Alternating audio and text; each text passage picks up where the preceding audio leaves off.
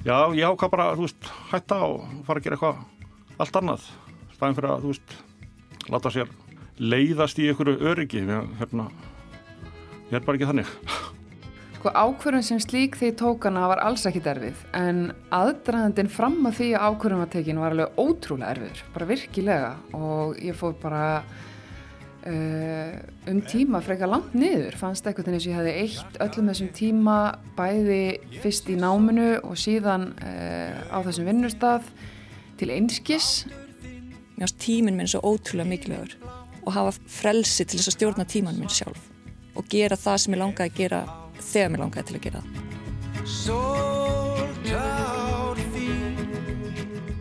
Í síðasta þætti fjöldlu við um kulnun, fólk sem hefur brunnið út í starfi eða lífinu almennt og verið tilnægt þess að breyta til, reynilega til þess að ná eða jafnvel til þess að halda heilsu. Svo er það líka fólki sem ákveður bara að breyta til og skiptir algjörlega um stefnu í lífinu án þess að hafa endilega upplifað kulnun. Við ætlum að heyra nokkrar þannig sögur í þættinum í dag.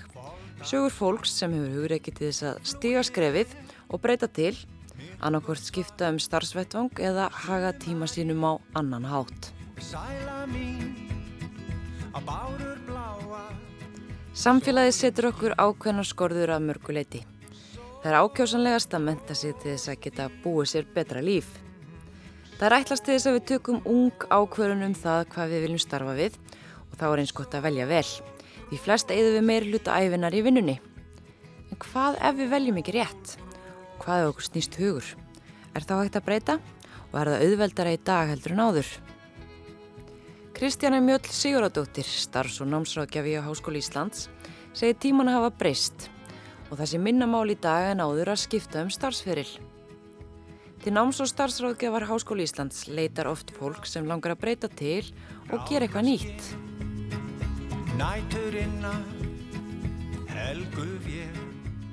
Og það getur verið, ástæðan getur verið svo mismunandi. Það getur verið til dæmis bara veikindi. Að fólk hefur veikst og, eða slasast og ekki getað unni við það sem það ákvaða að vinna við. Bara trésmiður sem að hérna, slasast í vinnu og getur ekki unni lengur við smíðar. Hann hefur áhuga á tölvunafræði og bæti við sig einingum í starffræði, eðlisfræði raungreinum og kemur svo í, í þetta nám og stendur sem að blóma. Um, mér dættu líka í hug hárgreðslumistari sem kom og gæti ekki unnið áfram vegna þess að bara hún hafði ofnami fyrir öllu efni sem hún var að vinna með. Það eru vist mjög sterk efni sem verið, verið er að vinna með á þessum stofum, allavega sömum og hérna Þannig að það var svona, við fórum að spjalla um það hvað hún vildi og hún hafði ímsa eiginleika bara úr sinni fyrir vinnu, bara að vinna sjálfstætt, að uh, sjá um rekstur, bara góð í samskiptu við fólk og hérna, og sem sagt hafa var með manna forráð, þannig að var með stjórnunar reynslu, það, það er margt sem að kemur, hérna fólk kemur með hérna, inn í námið. Þannig að þá var svona farið að skoða hvað hún vildi gera og, og þá var það að hann að langa annarkvart að verða grunnskólakennari eða viðskiptafræðingur og hann að langaði líka jafnvel að verða manniðstjóri. Þannig fannst henni í þessu að hennar hérna, styrkleikar og reynsla kemist ertinn í. Ég veit ekki alveg hvað hérna, varð fyrir hérna, valinu hjá henni en, en það er ímsa svona pælingar. Fólki er oft með gott veganesti og hefur oft svona hérna, reynslu sem það kannski áttast ekkert á sjálft eða þekkingu eins og bara þessi kona hefði ekkert verið að spá í að hún hefði stjórnuna reynslu en það hefði opaslega góð, væri góð í mannlegum samskiptum. Þetta var eitthvað bara svo eðlislegt að hérna, hún áttaði ekkert á þessum eiginleikum fyrir að við fórum bara að spjalla. Í dag lifur fólk lengur en áður og starfsæfin hefur lengst í takt við það.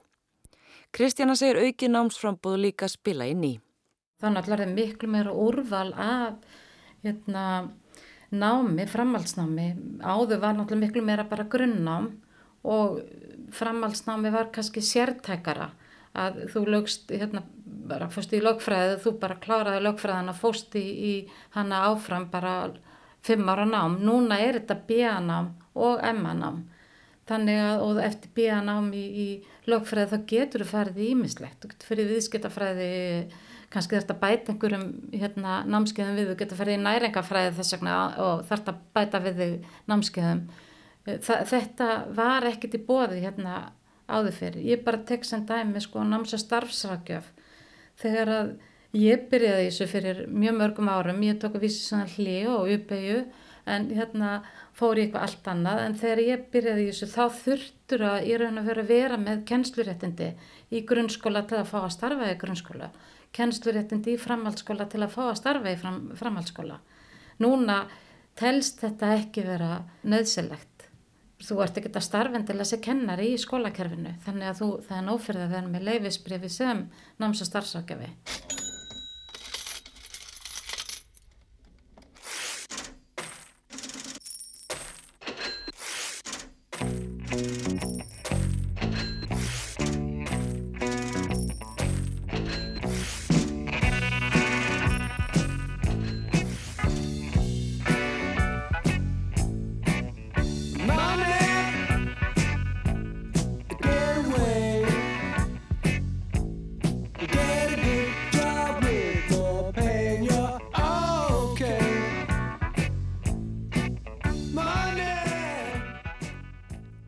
Kristján Þór Ingvarsson, rafeindavirki, vendi hvæði sinni kross fyrir um tveimur árum síðan og let gamlan draumum að læra kvikmyndagerð rætast. Hann var hættur að hafa gaman af vinnunni sem hann syndi.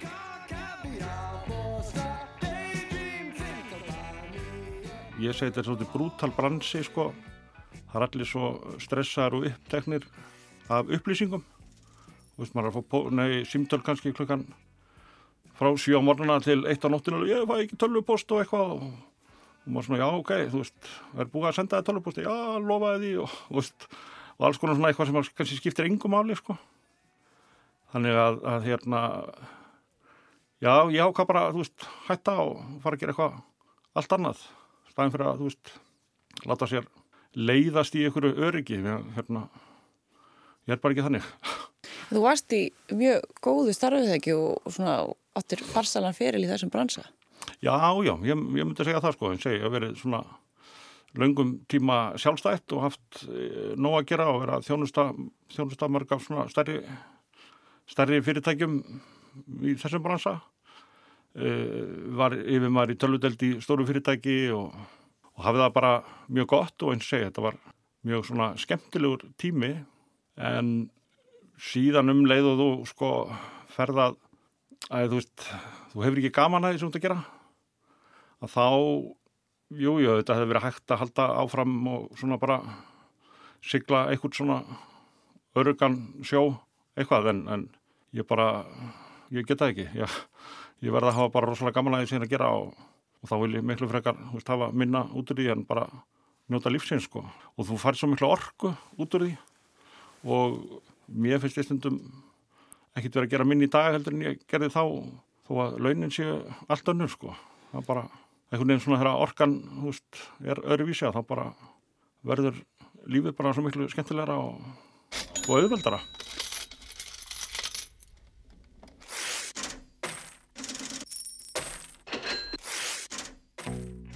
Hann tók ákvörðun um að hætta í því starfi sem hann var í og skrási í nám. Það ég sá hérna auglýst kvíkmyndatækni, kallað svona tæknistörf í kvíkmyndaðinaði og ég hef alltaf haft mikið náhuga á sko, kvíkmyndatökum og, og rifjaði nú upp og þegar ég fór í skólan og, og fann hérna gömlu, gömlu upptökuvilja mína, Super 8 sem var einu meiri sem er filmu í ennþá, ég átti að senda hann í Frankfurtland, ég veit eitt hvað henni. Þannig að ég ákvað bara skella mér og, og hérna og mér fannst þetta líka svolítið spennandi að þetta heitir svona tæknistörfi í kvikmyndaina og, og ég er með þessa rafindavirkja mentun þannig að þú veist ég kann á svona ramagn og, og tæki og tól og tölvumentununa því hún kemur náttúrulega svolítið inn í hennar bransa líka. Þannig að mér fannst ég koma með á svona góðan grunn og, og var með á svona góðan grunn til að fara inn í þetta en ég líka læriði alveg svakalega mikið af nýjum hlutum og svona bara mjög skemmtilegum hlutum og þetta bara Já, ég, þú veist, ég fór brosand að sofa og vaknaði brosandi og, og hljópi skólan og ég var alltaf mætti fyrstur, sko. En, en það er líka svolítið challenge að fara í skóla og, og það sem að meðalaldurinn er bara 20 ár eða 22 ár. Hvað varstu Svo er eitt gammal? svona gammal, svona næstu því eldri en allir kennarinn líka, sko. Hvað varstu gammal þegar þú byrjaði? Uh, 51, já. Og var það ekkert stórt skref að ákveða bara 51 og svona flestur er fyrir að kannski huga bara að því að, að nú farið þeir að hafa bara gott og getur svona aðeins slakað á og því svona, já sé svona mestu lætin búinn á, á ferðlinum. Var ekkert erfitt að, að bara rífa sig upp og, og fara bara að læra eitthvað alveg nýtt? Nei, í raun og verið ekki, sko, ekki þegar þú ert búinn að taka ákvörðuna, þetta hefur þetta svona pínulítinn aðdraganda og, og þú veist, og þegar þér, og þú veist, mér var bara fann að leiðast þessi tölvubransi pínulítið og fann að farið að eh, pínulítið að leiðast í vinnunni, þannig að sá aðdraganda er náttúrulega, eh, ég veit svo ekki nákvæmlega hvað hann var langur, ég var svo ekkert bælt í því, en svona, og svo, jú, jú, margir af svona mínum félögum sem fórum mitt hvað, þú veist, hvað ég var að hugsa að fara út úr einhverju svona öryggi og þú veist, nú get ég að fara að hætta að vinna og fara, þú veist, gera fullt af hlutum en eh, það er ekkert markmið hjá mér að hætta að vinna sem slíkt, þú veist, ég vil bara hafa gaman að því að vera til og ég held að það sé sko bara stærsti þátturinn í þessu öllu, þú veist, og, og það er ofslega mikið talað um, þú veist, lifðu núna og akkur ekki bara lifa núna og hafa, þú veist, gaman að því sem þú ætti að gera þanga til að þú fær leið á því. Og ég veit ekki, kannski fæ ég leið á þessu til 30 ára og þá fyrir ég að gera eitthvað allt annað, það er bara, það verður bara komið ljós. En ákvörðinin var ekkit stór og erfið þegar hún var tekin. En eins og sé, hún náttúrulega hafði svolítið aðdraganda líka, þannig að, að það kannski hjálpaði til. Hvernig var að vera allt í hennu komin bara í nám hana? Það var bara mjög gaman og uh, eiginlega miklu skemmtilegar en ég átti vona á. Og mér fannst líka frábært sko hvað, og bara þú veist takka samnefndum mínum hvað þeir raun og verið tóku mér vel að, að svona, þú veist að vera einn af hópnum verði ekki svona útundan eða, eða þú veist, að því maður kannski það var kannski svona helsta sem maður vissi ekki alveg hvernig ungir krakkar myndu taka manni. En þú veist, ég er svo sem kannski bara alltaf 25 í kollinum og það er það sem skiptir máli. Og uh, hafði bara já, var rosalega vel tekið og hafði bara ofsalega, ofsalega gaman að þessu. Og eins og segi, ég var alltaf mættu fyrstur en, en hérna og all svona verkefni sem við gerðum var að slíkta að hérna veist, bara hella sér út í þetta og gera þetta fyrir alvöru og, og fylgja því svo eftir þannig að, að þú veist, það komi verkefni og þau hafa alveg skilað sér og, og jú, jú, stundum má vera meira að gera en, en þetta er bara búið að vera ofsalega skemmtilegur tími og maður svona hálfsaknaði þegar skólinn var að klárast sko.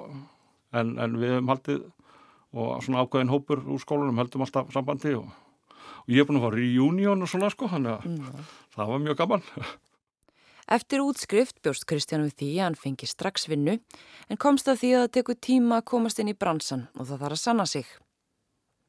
þetta er svolítið lokaða bransi og ég svona, ég skildi það ekki alveg fyrst mér fannst einhvern veginn, ég geti kannski bara lappa át á skólanum og fengið nóg að gera því að ég, já, þú veist, ég svona, það sem ég geri, það, það reyni ég að gera vel og mér fannst einhvern veginn að allir hlita að vita það og ég myndi bara klára skólan og býða eftir ringingum og símtölum. En þetta er svolítið, menn náttúrulega vinna svolítið mikið með fólki sem er raunni með áður og þekkja og vita kannski hvernig vinnur.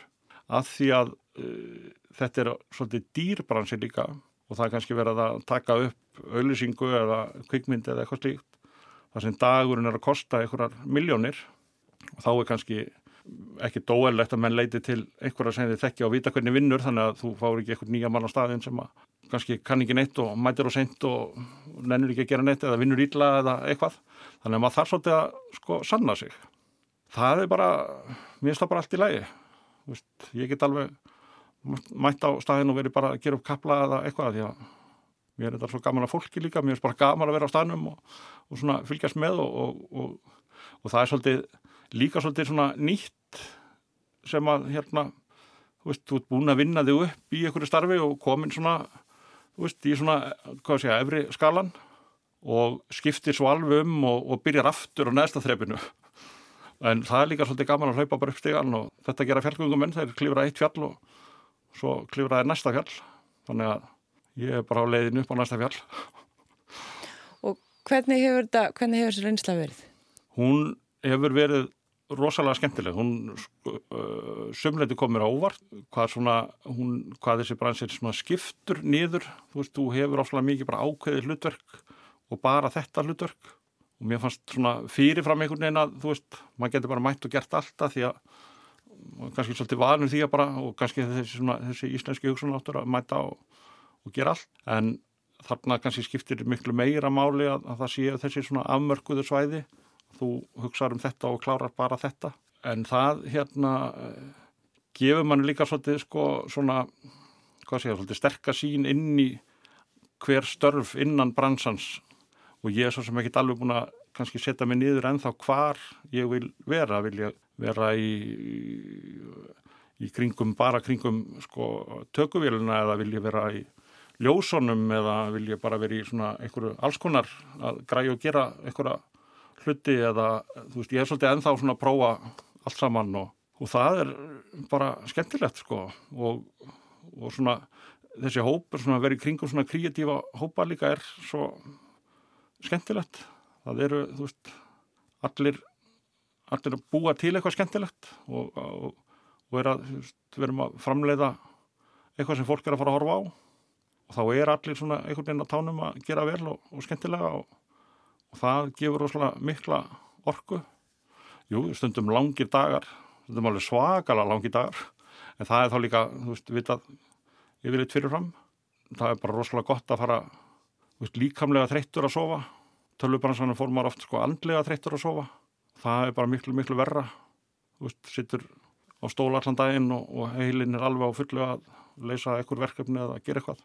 Og svo fyrir heim og ert áfram að reyna að leysa verkefnin sko þó þú sett sofandi og vaknar döðþreytur hérna kláraðu verkefnin og fer bara að sofa líkamlega þreytur stundum hinga á þanga ykkurum sumabústaði eða eins og játt í verkefninu þar tjölduðu við bara út í náttúrunni og, og maður bara lagðist niður í útilegu og, og vaknaði svo bara við fugglarsöngu eitthvað starf eða, eða grenjandi rigningu.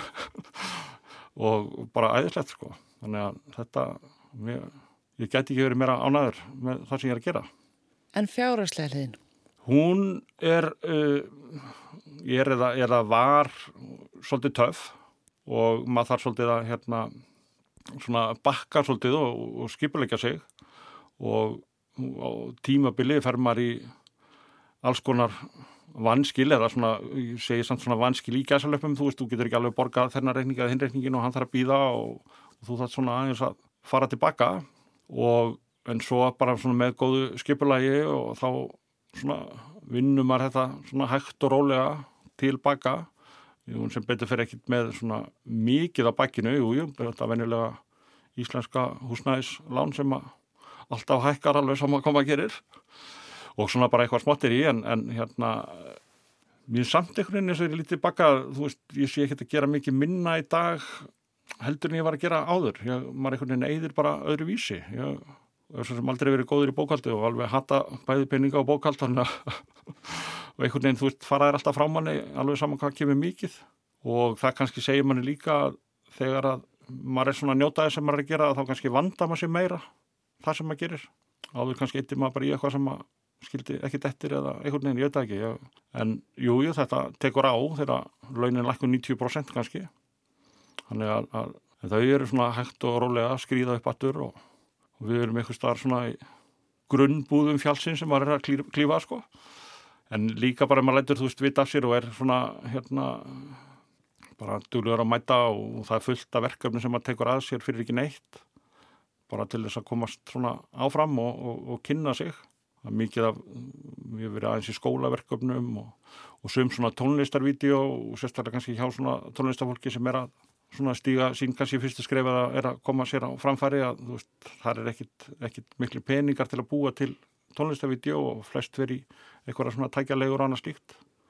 En það er maður líka að kynast fólki og kynast tengingum og, og svo ringdi maður nættur út af einhverju öðru og svona, þannig að þetta smá þetta svona smá kemur og maður bara heldur í sér á meðan og, og nýtur þess að og einhvern veginn, já, maður reyður öðru vísi maður svona bara, þetta er einhvern veginn svona, þú veist maður verður svona ástfangin af, af, af vinnunni aftur eða svona, þú veist, maður verður svona og, og þú veist, það talaðum það heima líka hvað hérna, maður er miklu svona léttari og, og svona skemmtilegri þegar að, þú veist, vinnan er skemmtileg og maður svona, þú að, þú veist, maður hafi ekki, þú veist, mér var að leiðast meira í tölubanarsönum, þetta var ekki svona það, þú veist, maður sæti heima í einhverju þunglindi og þetta var allt handónýtt, en það var samt eitthvað þarna sem var ekki gefandi og þá bara verður maður ekki kannski gefandi sjálfur líka, en, en svo þegar allt er orðið svona skemmtilegt aftur þegar þú ferð út á og, og kannski, og veist kannski ekkit hvað býðin, þú veist, það er sumverkefni þar sem þú mætir klukkan 12 og veist ekkit hvað það var að gera. Og það er mjög gaman að, að í svo leiðisverkefnum sem er stuttmyndir eða skólaverkefni sem maður mætti og maður er ekki sénið handrit. Og svo er maður að búa til sögu jafnóðum og maður er að sjá aðriðin gerast og svo gerist eitthvað allt annað og svona þannig að það voru til nýsa í kortinu á manni. En, en svona eins og segi þetta er aðalega spurning bara svolítið einskipulega og bakka og svona halda og eigða í það sem að skiptir máli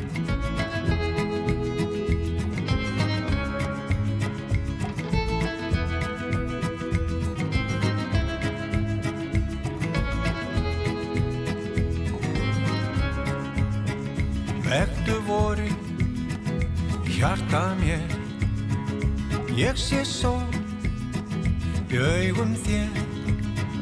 Látur þinn er híminn blá Hrapp svart er þitt hár. Sóltár þín Sóltár þín Það var kannski ekki síst til að styrkja Kristján í hversu mikilvægt er að gera það sem hann langar til þegar stjúpsonur hans vektist skyndilega. Það er atveg sem að kannski ítti svolítið við þér en frekar að fara bara alveg inn í þetta. Já, það, það gerir það og það er svona svolítið sínum mann að, að sko, uh, svolítið að út lífa núna en ekki stefna að því að hætta að vinna einhvern tíma þegar út orðin, orðin gammal af því að uh, við lendum í því þegar, þegar ég er að klára skólan og bara svona tíu dögum eftir að, að ég útskrifast þá hérna veikist elsti strákunum okkar mikið að, eða fær svona væga heilablæðingu fyrir hérna nýra á bráðamöttöku og fer svo í aðgerð hérna heima sem þeir síðan hætta við að því hún var, var úr flókin og þeir voru ekki með svona tækjabúna til að takast á við það. Þannig að hann er sendur til hérna Svíþjóðar í aðgerðum nótina og fer í aðgerð þar morgunin eftir og í aðgerðinni þá hérna rofnar þessi æð sem hafi blætt pínlítið úr og þannig að það verður sko, mikil blæðing. Og þá verður svona líka svona spasmi í öðrum æðum það draga saman þannig að það eru til að vera sko, skemdir og svona skemdir víða. Og uh, nú er að verða tæft ár síðan þetta kom, þetta gerðist og í dag getur hann ekki tjáð sig eða hreift sig eða, eða gert neitt í raunum nema bara svona opna augun og, og gjóa augunum og, og hérna svona fylgjast aðeins með í kringum sig en, en getur ekkert sko tjáð sig þannig að við svona vitum ekki alveg sko, hver hans svona meðutund er. En það er líka íttir svolítið viðmanni að, að hérna gera hlutina núna þar, þar sem þið hérna langar til að gera að upplifðu upplifðu það ekki í dag ekki geima það hangur til setna og þetta svona íttir svolítið stert viðmanni að, að hérna hugsa þetta svolítið svona upp og nýtt. Og, og maður svona hafði líka þú veist þá líka svona svolítið tíma til þess að sko hugsa þetta og fara aðeins í gegnum þetta. Að því líka maður var að, maður var að skipta um hérna starfu og hafði þá og ekki komin á fullt þannig að maður hafði svona aðeins meiri tíma náttúrulega til að, að svona sinna honum og fylgjast með þessu. Og, og auðvitað kveikir það svolítið fast í manni að, að hérna hann var í topp formi bæði líkamlega og andlega og var að vinna sem forritari og hafði súper góð laun og, og var bara, gekk honum allt í hag. En svo bara í ræktinni hérna einn setnipartinn svona líður yfir hann og, og, þannig að það var hann var sendur í sjúkarabíli framhaldinu og bara allt búið. Þannig að, að hérna maður þarf svolítið að huga að að, að hérna sinna, sinna sjálfum sér og sinna, sinna bara lífinu í, í dag en ekki, ekki á morgun. Af því að við vitum aldrei hvað hva gerist. Þannig að, að þess vegna er ég líka verið að bara svona, segi, hvetja fólki í kringum sem er að hugsa og eins og segja stundum svona gamli vinnir sem eru kannski búin að fá svona nóg í gæsalöpum af því sem eru að gera. Þú veist, fara að gera eitthvað annað. Bara ekki, ekki geima það og þetta sem að fólk er alltaf að hugsa að, að þú veist, þegar ég hætti að vinna og komin á einhvern hérna líferi frá líferi sjónum og elli líferi og þetta allt saman þá að segja nú að fara að ferðast og allt saman. Kannski, þú veist, verður það ekki tægt þannig að tökum minningarna með okkur í dag. Þannig að við hérna eigum þar og eigum góða minningar og, og aðrir eiga þá líka góðar minningar um okkur. Af því að við segjum við vitum aldrei hvað gerist í framtíðinu og kannski verður ekki framtíð og þá bara er um að gera að við og þeir sem eru í kringum okkur eigi þessar minningar sem eru svo frábærar og, og góðar. Þannig að, að bara já, lifum núna. Það er, veist, það er kannski stóra stóra málið. Kristján segir að sumir jafnaldrar hans hafi vissulega verið hissa á því. Að hann var að taka upp á því að skipta um starfsvettvang komin yfir miðjan aldur. Já, ég fekk bara mjög góðan hérna, stuðning frá, frá öllum í kringum mig. Voru helst svona, hvað maður segja, svona, ég vil nú ekki kalla það kannski risaðlunar í kringum mig, en svona, þú veist, svona gömlu vinninu sem alveg, hvað ert þú að fara að gera, komin á þennan aldur sem átt að vera að fara inn að, að, að huga því að hætta að vinna og fara að lifa. Ég bara, er að lifa núna sko er, og við sjáum þú veist lífið í sjóakerfið eða eitthvað þú veist hvað þú veist hvað ég að fá að mánið eitthvað tíma setna ég ekki hugmyndu það ég ætla bara að vera búin að sælja saman bara. Og þegar ég hætti að vinna þá bara fer ég í einhverja kistu bara og, og hvað tekur þá við? Ég hef ekki hugmyndum Undur þú segja að vera að upplifa drauminn? Já, ég sko að draumana kannski svolítið, ég hérna að því að sko og þessi ákvörðin sem tók að sínu tíma að fara í tölubransan var bara mjög góð og mjög skemmtileg og, og þú veist og, og alls þessi ár þar voru ofsalega skemmtileg og ég hef ekkert til að missa af þeim. Uh, og kannski þú veist ef þetta hefði verið öfugt að ég hefði farið beint í kvíkmyndakarbransan á sínum tíma þá kannski hefði ég verið að skipta þar og fara að gera eitthvað annað núna, ég hef ekki hugmyndið það. En ég segja alltaf svona að þú veist að láta bara draumana rætast, hafa þetta í fleirtölu. Að hérna og vera, þú veist, bara órættur við að taka einhverjar ákvarðanir sem að, þú veist, þér finnst vera réttar. Þú veist, ég hefði aldrei fengið nýðustu í það ef ég ekki bara gert þetta.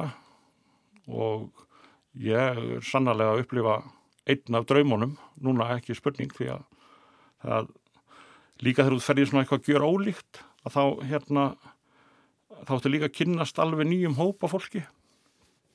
Sem er eh, kannski eins og innan tölvu geirans er að fara í eitthvað sem er samt þú veist, svona tölvu tengt þannig að þú veist, það er ofslega mikið sami hópurinn kannski sem hóta kynnast.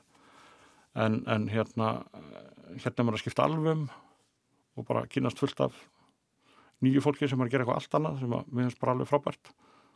Ekki það að gamli vinnir hafi verið leiðilegir sko, þú veist, ég er alveg í sambandi við að þá en, en hérna þetta er, já, ég, þú veist og hafa bara töluna í flertölu draumana, láta, þú veist, draumana rætast og, og hérna því að við hefum ju bara eitt líf og veist hvað tekur við eftir þetta líf? Ég, veist, ég hef ákveðna skoðunar á því að, að, en kannski ekki fara að tala þér hér en, en svona, þú veist, ég sé bara við þurfum að klára þennan pakka sem við erum með hér og, og bara gera það vel og hafa gaman að því. Að því að um leiðu við um gaman að því og það er svona orka í kringum okkur þá líka sko, sköpum við út frá okkur orku og, og drýfum eitthvað fólk bara með okkur sem að er kannski við veit ekki á svipuðu nótum og ég segi það ekki að ég stundum sér svona öfundaglampa í augunum á sumum þegar ég var að tala um þetta og, og, og þú veist og þú ert komin í skóla þú veist, aftur og þú ert komin svona þú veist, í orkuna í unga fólkinu sem að þú veist, er bara með allt lífið framöndan og allar að segra heiminn þú veist, og gera allt að þá bara smitast maður af því líka. Það kemur svona orka með því og þú veist og ég segi, maður er bara klífa eitthvað annað fjall núna og ég er bara komin í grunnbúður hann að ég er, þú veist, bara rétt að byrja og og hérna maður er bara að ná sér í græur og verkvari og, og aksir og fjallaskóna og allt þetta og ég ætla bara upp fjallið ekki spurning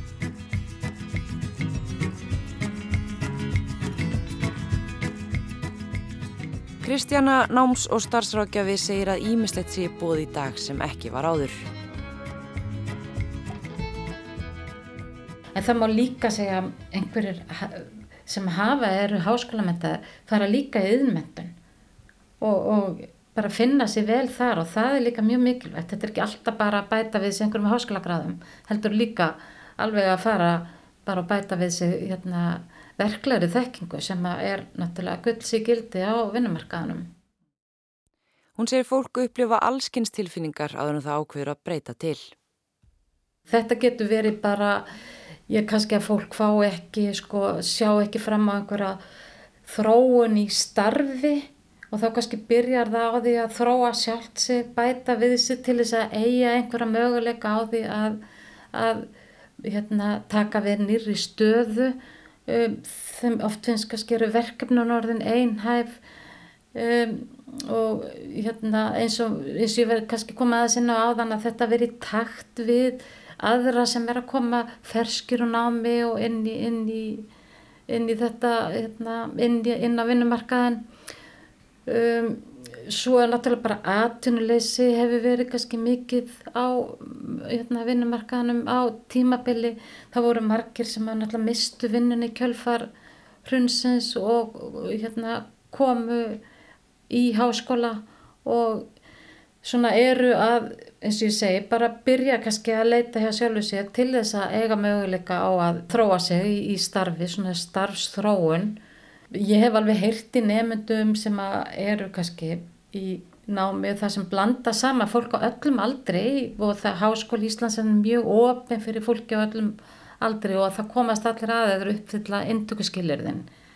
Um, og það er sko reynslu banki bæði fyrir hérna nefndur sem eru búin að vera lengi að vinnumarkaðanum og nefndur sem eru að koma bent úr stúdinspróf að vera saman í hóp, saman í bekk, saman að vinna verkefni því að þar kemur inn bæði reynslan af vinnumarkaðanum og svo þetta allra nýjasta, þess, þetta að vera ungur og koma úr, úr bent úr framhaldsskóla.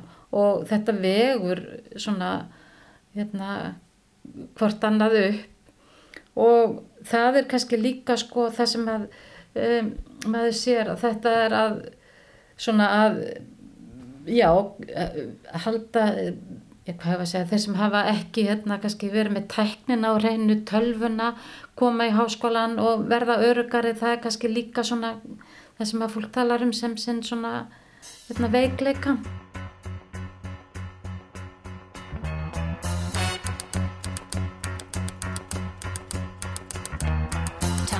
Bed and I stumble to the kitchen. Pour myself a cup of ambition And yawn and stretch and try to come to life Fannei Birna Jónsdóttir, fjölmjölakona og já, líka vinkonu mín svo komið fram, tók dáliti bratta beigju í lífinu. Hún lærði lagfræði og ætlaði sér að starfa við það fag en fann sig ekki í starfinu. Það tók hana þó dágóðan tíma að þóra stíga skrefið og breyta til.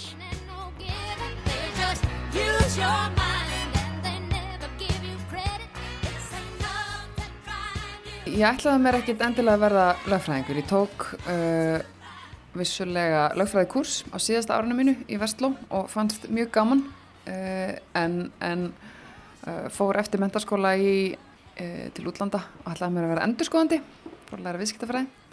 En það heitlaði nú ekki beint og ég kom aftur heim og fór að vinna á leikskóla og ákvað sen að fara í skóla og valdi mér að fara í lögfræði og það var engin sérstök ástæð fyrir því eins og ég held að sé einhvern veginn oft Uh, grundullur ákvörðantöku margra nema sem að fara í háskólan að þeir velja eitthvað sem bara svona halda þeir geti mögulega haft áhuga á, kannski eitthvað sem er gott nám og mun opna einhverja dyr í framtíðinni og það var ástæðan fyrir því ég fór í löffræði og var þar í, í Háskóli Íslands í, í rúm fimm ár, klára mitt nám og Hvernig var námið?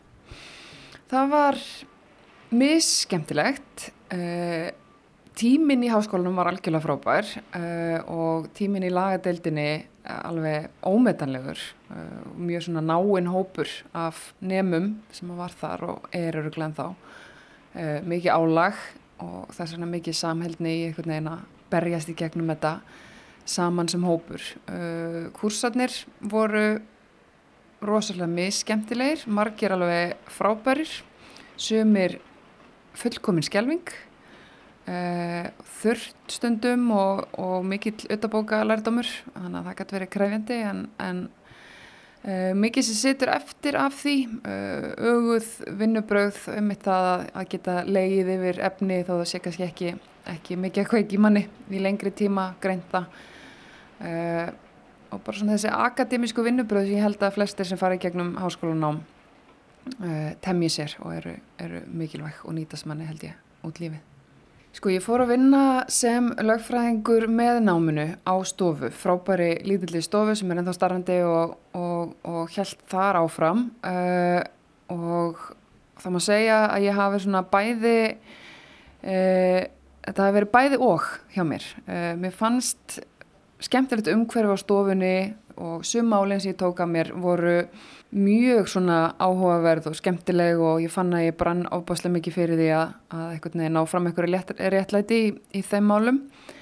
En að samaskapi að það voru svona skilirðin sem að uh, felast í þessu starfi kannski bara þannig að þau henduðu mér ekki. Það er mikil innvera uh, og mitt mikil yfirlega eins og hafi verið kannski svo sem í náminu líka en, en öðruvísi og ábyrðin öðruvísi og, og ég er mikið félagsvera og fann það einhvern veginn uh, þegar ég var búin að vera í einhvern tíma, nokkur ár að ég fekk svona tilvist að kreppu enginni því ég kom og setti til skrifbára mitt einin á skrifstofu á hverjum einasta mótni uh, og, og með stóran bladabunga fyrir fram að mig og hugsaði með mér, já, er þetta, verður þetta svona á hverjum einasta, einasta virkadegi næstu 40 árin?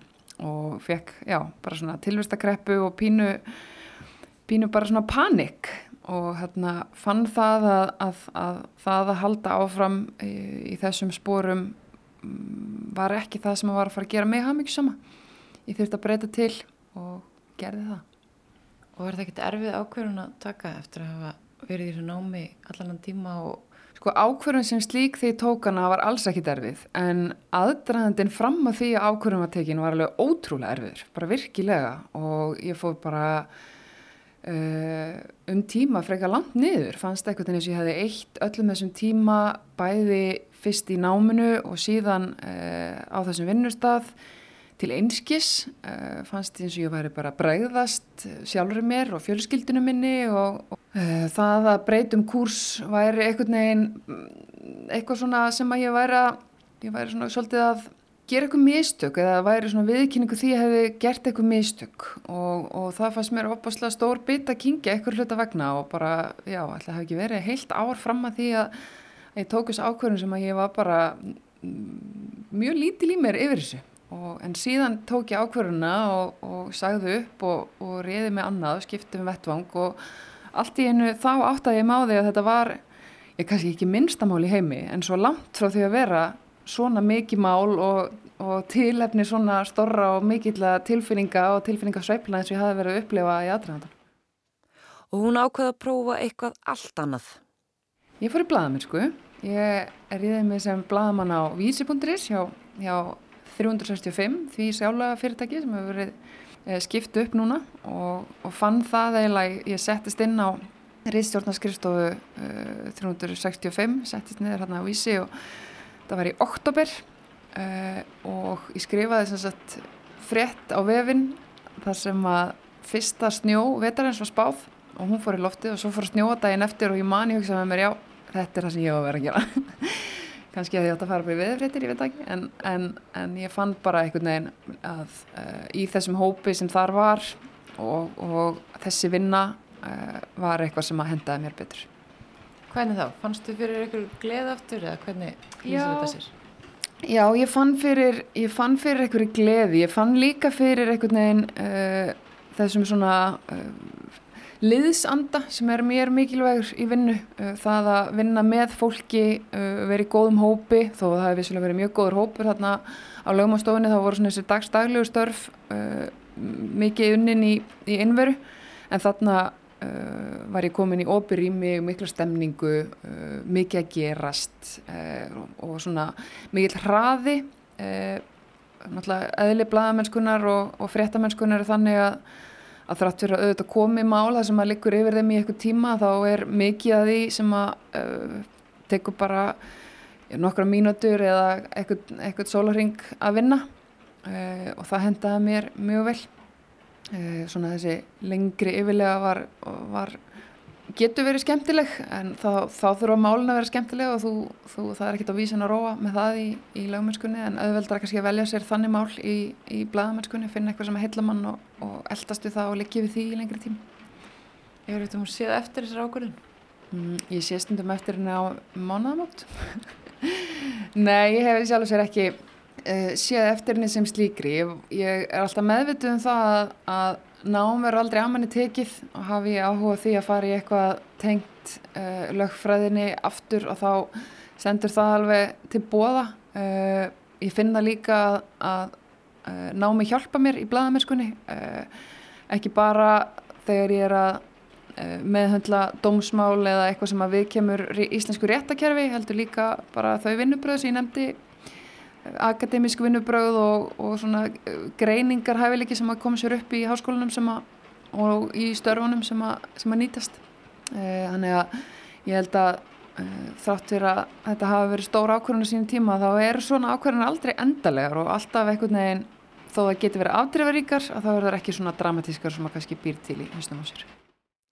Og Fanny segir að fólk eigi að vera óhrætt við að fylgja hjertanu Já, heiklust. Ég held að Uh, stundum líður mér ítla þegar ég er að, er að segja fólki að mér fundið svo leiðilegt í lögfræðinni uh, af því að það er svo óbæst mikið vinnum sem vinni í þessu starfi og, og, og vinna alveg ótrúlega gott starf og mikið og rosalega flottum lögmunum og lögfræðingum að gera alveg frábæri hluti. Og þó að þetta hafi ekki henda mér að það er ótrúlega mikilvægt hvað það er mikið á góðu fólki sem sinnir um þessu starfum en ég held að bæði þessu og öllu öðru sem að fólk tekur sér fyrir hendur það skiptir ótrúlega miklu máli að, að að njóta sín í vinnunni það er aldrei bara gaman en maður eigður svo rosalega miklum tíma uh, í vinnunni og með vinnufélagunum að ef að það er meir og minna leðilegt og ef manni líður meir og minna ítla að þá held ég að það sé í störfum, rétt eins og hjónabandi og öllu öðru að þá er kannski komið tími til að hugsa svo um og, og prófa eitthvað nýtt. Kristjani á háskólunum segir að fólk auðlist oft mikla gleði við að prófa nýja hluti. Margir finnir starfs ánæg og nýji með því að breyta um feril. Það eru ótal leiðir sem fólk kannski veit ekki um en, en það opnast dyr og glukkar þegar það kemur kannski að tala við okkur. En hérna, mér finnst oft bara fólk bara spenta að hefja nám og, og spenta að takast á við eitthvað, eitthvað nýtt og en erum þetta að horfa ofta á styrkleikana sína og fyrra nám er styrkur og það er alveg þekkt dæmi í samfélaginu að, að fólk hérna, er að gera eitthvað allt annað en það mentaði sig til. Bara fórseti Íslands er sagfræðingur uh, fórsetisráð þeirra er að ég held úr íslensku og, og fransku eða eitthvað þannig. Þannig að það er ímiskona grunnur sem er góður undir hvaða störf sem er. Bara veintalega á þínum vinnustæða því að rúf er fólk ábyggla með mjög breiðan, breiða mentun og, og reynslu sem nýtist í starfi algjörlega. En það er þetta líka spurning bara oft um að, um að velja nám við hæfi og stundu byrja maður bara, kannski, kannski bara byrja í, í lögfræði og svo séu það bara um áramótin eftir fyrsta missirið að lögfræðin er ekki það sem ég vildi fara í þó ég sé að standa mig vel og allt það og, hérna, og þá bara þá bara er þetta skipt um áramotinn og mjög þetta líka í hug til dæmis eins og, hérna, einn drengur sem sko, var í verkfræði og hérna og duglugu nefandi og, og bara hann vildi reynilega ekki verða verkfræðingur. Þannig að hann skipt um og fór í grunnskóla kennarafræði og að því að hann sagði bara ég veit eitt hvað ég ætla að gera við allar þessar formúli sem ég er búin að læra í verkfræðinni. Mér langar bara að miðla, mér langar að vera kennari og ég vona bara að hann hafi fundið sérna hillu þar. Þannig að aldur er kannski líka bara doldið afstæður þegar kemur að námi og starfsferðli Ég held það. Og þetta er líka oft bara spurningum um þroska og svona standað með sjálfu sér.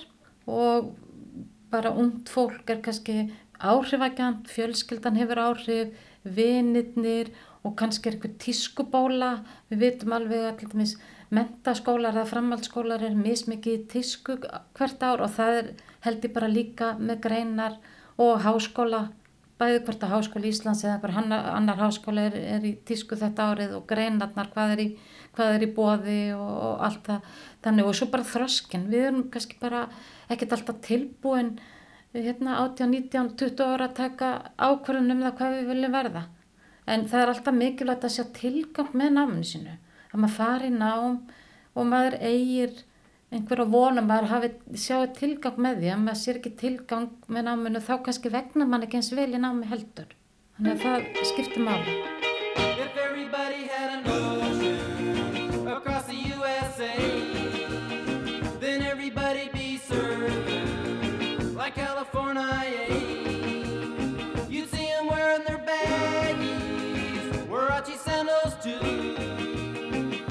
bushy, bushy blonde hairdo, serving USA. Fólk gerir alls konar breytingar á lífi sinu, ekki bara því tengt að skiptum starfsferil. Hún Rutt Siguradóttir ljósmyndari ákvað fyrir um tveimur árum að breyta til í sínu lífi og í raun taka stjórnin á því. Henni fannst hún ekki lengur hafa stjórnina og vildi geta styrt tíma sínum betur. Og þeir sem fylgjast með Rutt á samfélagsmiðlum öfundan eflust margir, þar sem byrstast reglulega myndir af henni í ævintýrum út um allan heim. Ég var í fastri vinnu sem ljósmyndari, mjög skemmtlegri vinnu, var að vinna fyrir blað 9-5 og dagur minn var bara mjög hefbundin, mætti vinnuna á mótnana, fór í skrili og myndatökur, hitti fullt af fólki, var ótrúlega skemmtilegt, ég var í geggja skemmtilegri vinnu. Og bara, já, var mjög ánæði vinnu mín, ég elskaði vinnu mína. Já, vann til 5, fór og sóti börnum mín og gerði bara þetta sem allir gera, þessi hefbundna rútína með fjölskyldu. Henni fannst samt eitthvað vanta. Hún sjálf riði ekki förhöldu vinnan. Hann vandaði meiri tíma til að gera hluti sem hann langaði til að gera. Ég er í svona sífældri svona endurskoðun á lífi, lífi mínu. Ég er sí, sífældri svona sjálfskoðun og það var í einhverju svona sjálfskoðun sem að, sem að eitthvað gerðist. Sko, það hefur alltaf verið ógeðslega mikið að gera hjá mér og ég hef alltaf verið á, á þönum og ég elska það líka, minnst það ótrúlega skemmtilegt. En svo einhvern veginn fannst mér bara svo rosalega mikið í gangi hjá mér og ég einhvern veginn náði ekki að velja verkefni mín nógu vel.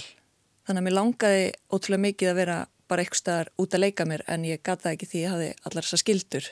Og það var út úr einhverju, einhverju svona sjálfskoðun sem að ég bara spurði mig mjög einfaldra spurninga eins og bara, Rutt, hvað er þér mikilvægast í lífinu?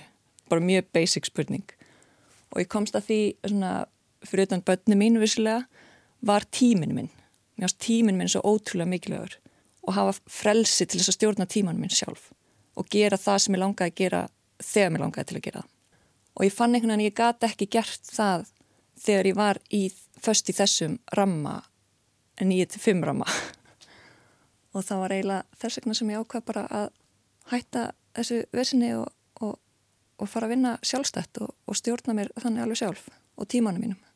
Og var það ekkert svona, já kannski svona daldi stórt skrif að taka að þurfa að sjálfur vera að bóka verkefnin og, og þú varst alveg vissum að það er þið nóg að gera þér?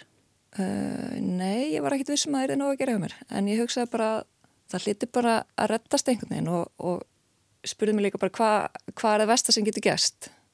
Það með vonandi engin degja, 7.13 þannig að, já, ég einhvern veginn bara lagði þetta í hendur örlagana og bara, og vonaði að kosmosin myndi grípa mig sem hann gerði. Ég er allavega ennþá rúlandi í þessi dag. Og þú hefur svona stýrt tímaðinum og allt annan hátt eftir að þú breytir, breytir um stefnu. Já, nú, konsepti var eiginlega, því mér finnst svo geðveikt gaman að leika mér. Þannig að konsepti var sko, mér langaði að leika meira og vinna minna. Þannig að það er svolítið það sem ég einbeti mér að núna. Og þegar þú talar um að leika þér, þá ertu að tala um hvað? Þá er ég bara, finnst rosa gaman að surfa, reyna að gera það eins mikið og ég get á snjóbretti, fara í roadtrip eða ferðalög leika á börnum mín, feluleik bara eitthvað eitthvað svona finna barnið í sér og, og já, halda áfram að leika sér og lifa Og hvernig hefur þetta gengið? Skiptingin á þessu? Þetta er bara gengið mjög vel. Ég er, já, þetta hefur alveg gengið upp og ég, þetta er bara einn besta ákvörðin sem ég hef tekið, sko. Þetta funkar mjög vel í mínu lífi.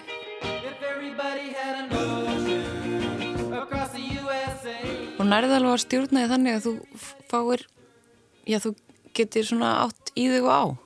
Já, ég er allavega klætt í dag og ég borðaði morgum að dáni kominga og bönni mín fór í skólan glöð og sött og, og það var allir gladir. Og svo ertu að ferðast út um allan heim? Já, ég reyna að ferðast eins mikið og ég get.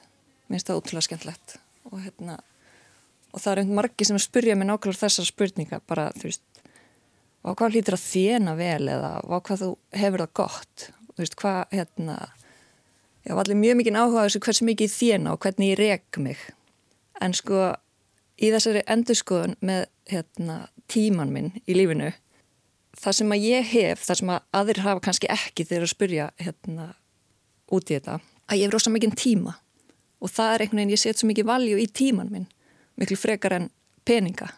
Þannig ég hef tíma til þess að ferðast og gera allar þessar hluti og meðan aðrir eru miklu fastari fyrir í, í 9-5 umhverfunu og það þarf ekki að vera dýrt að ferðast.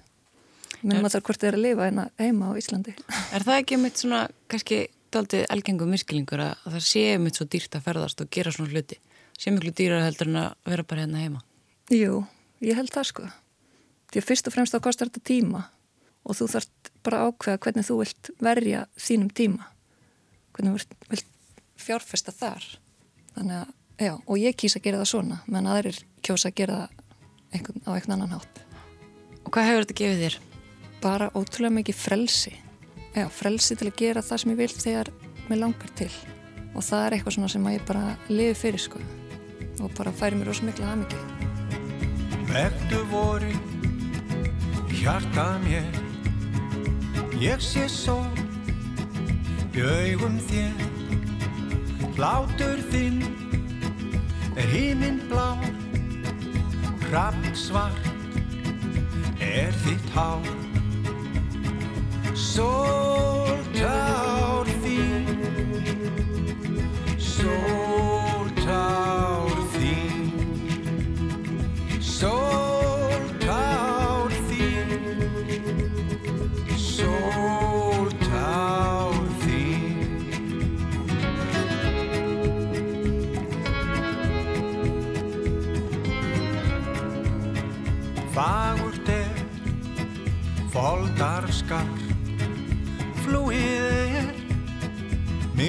Myrkur svar Sumari Sæla mín Á bárur bláa Sólin skín.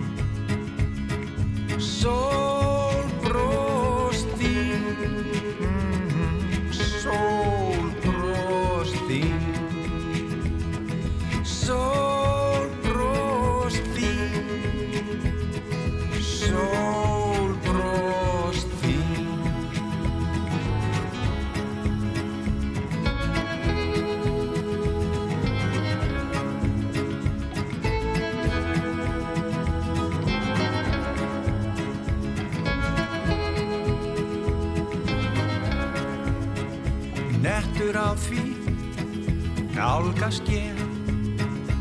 næturinna helgu vér Chillas bakur sprund er hér.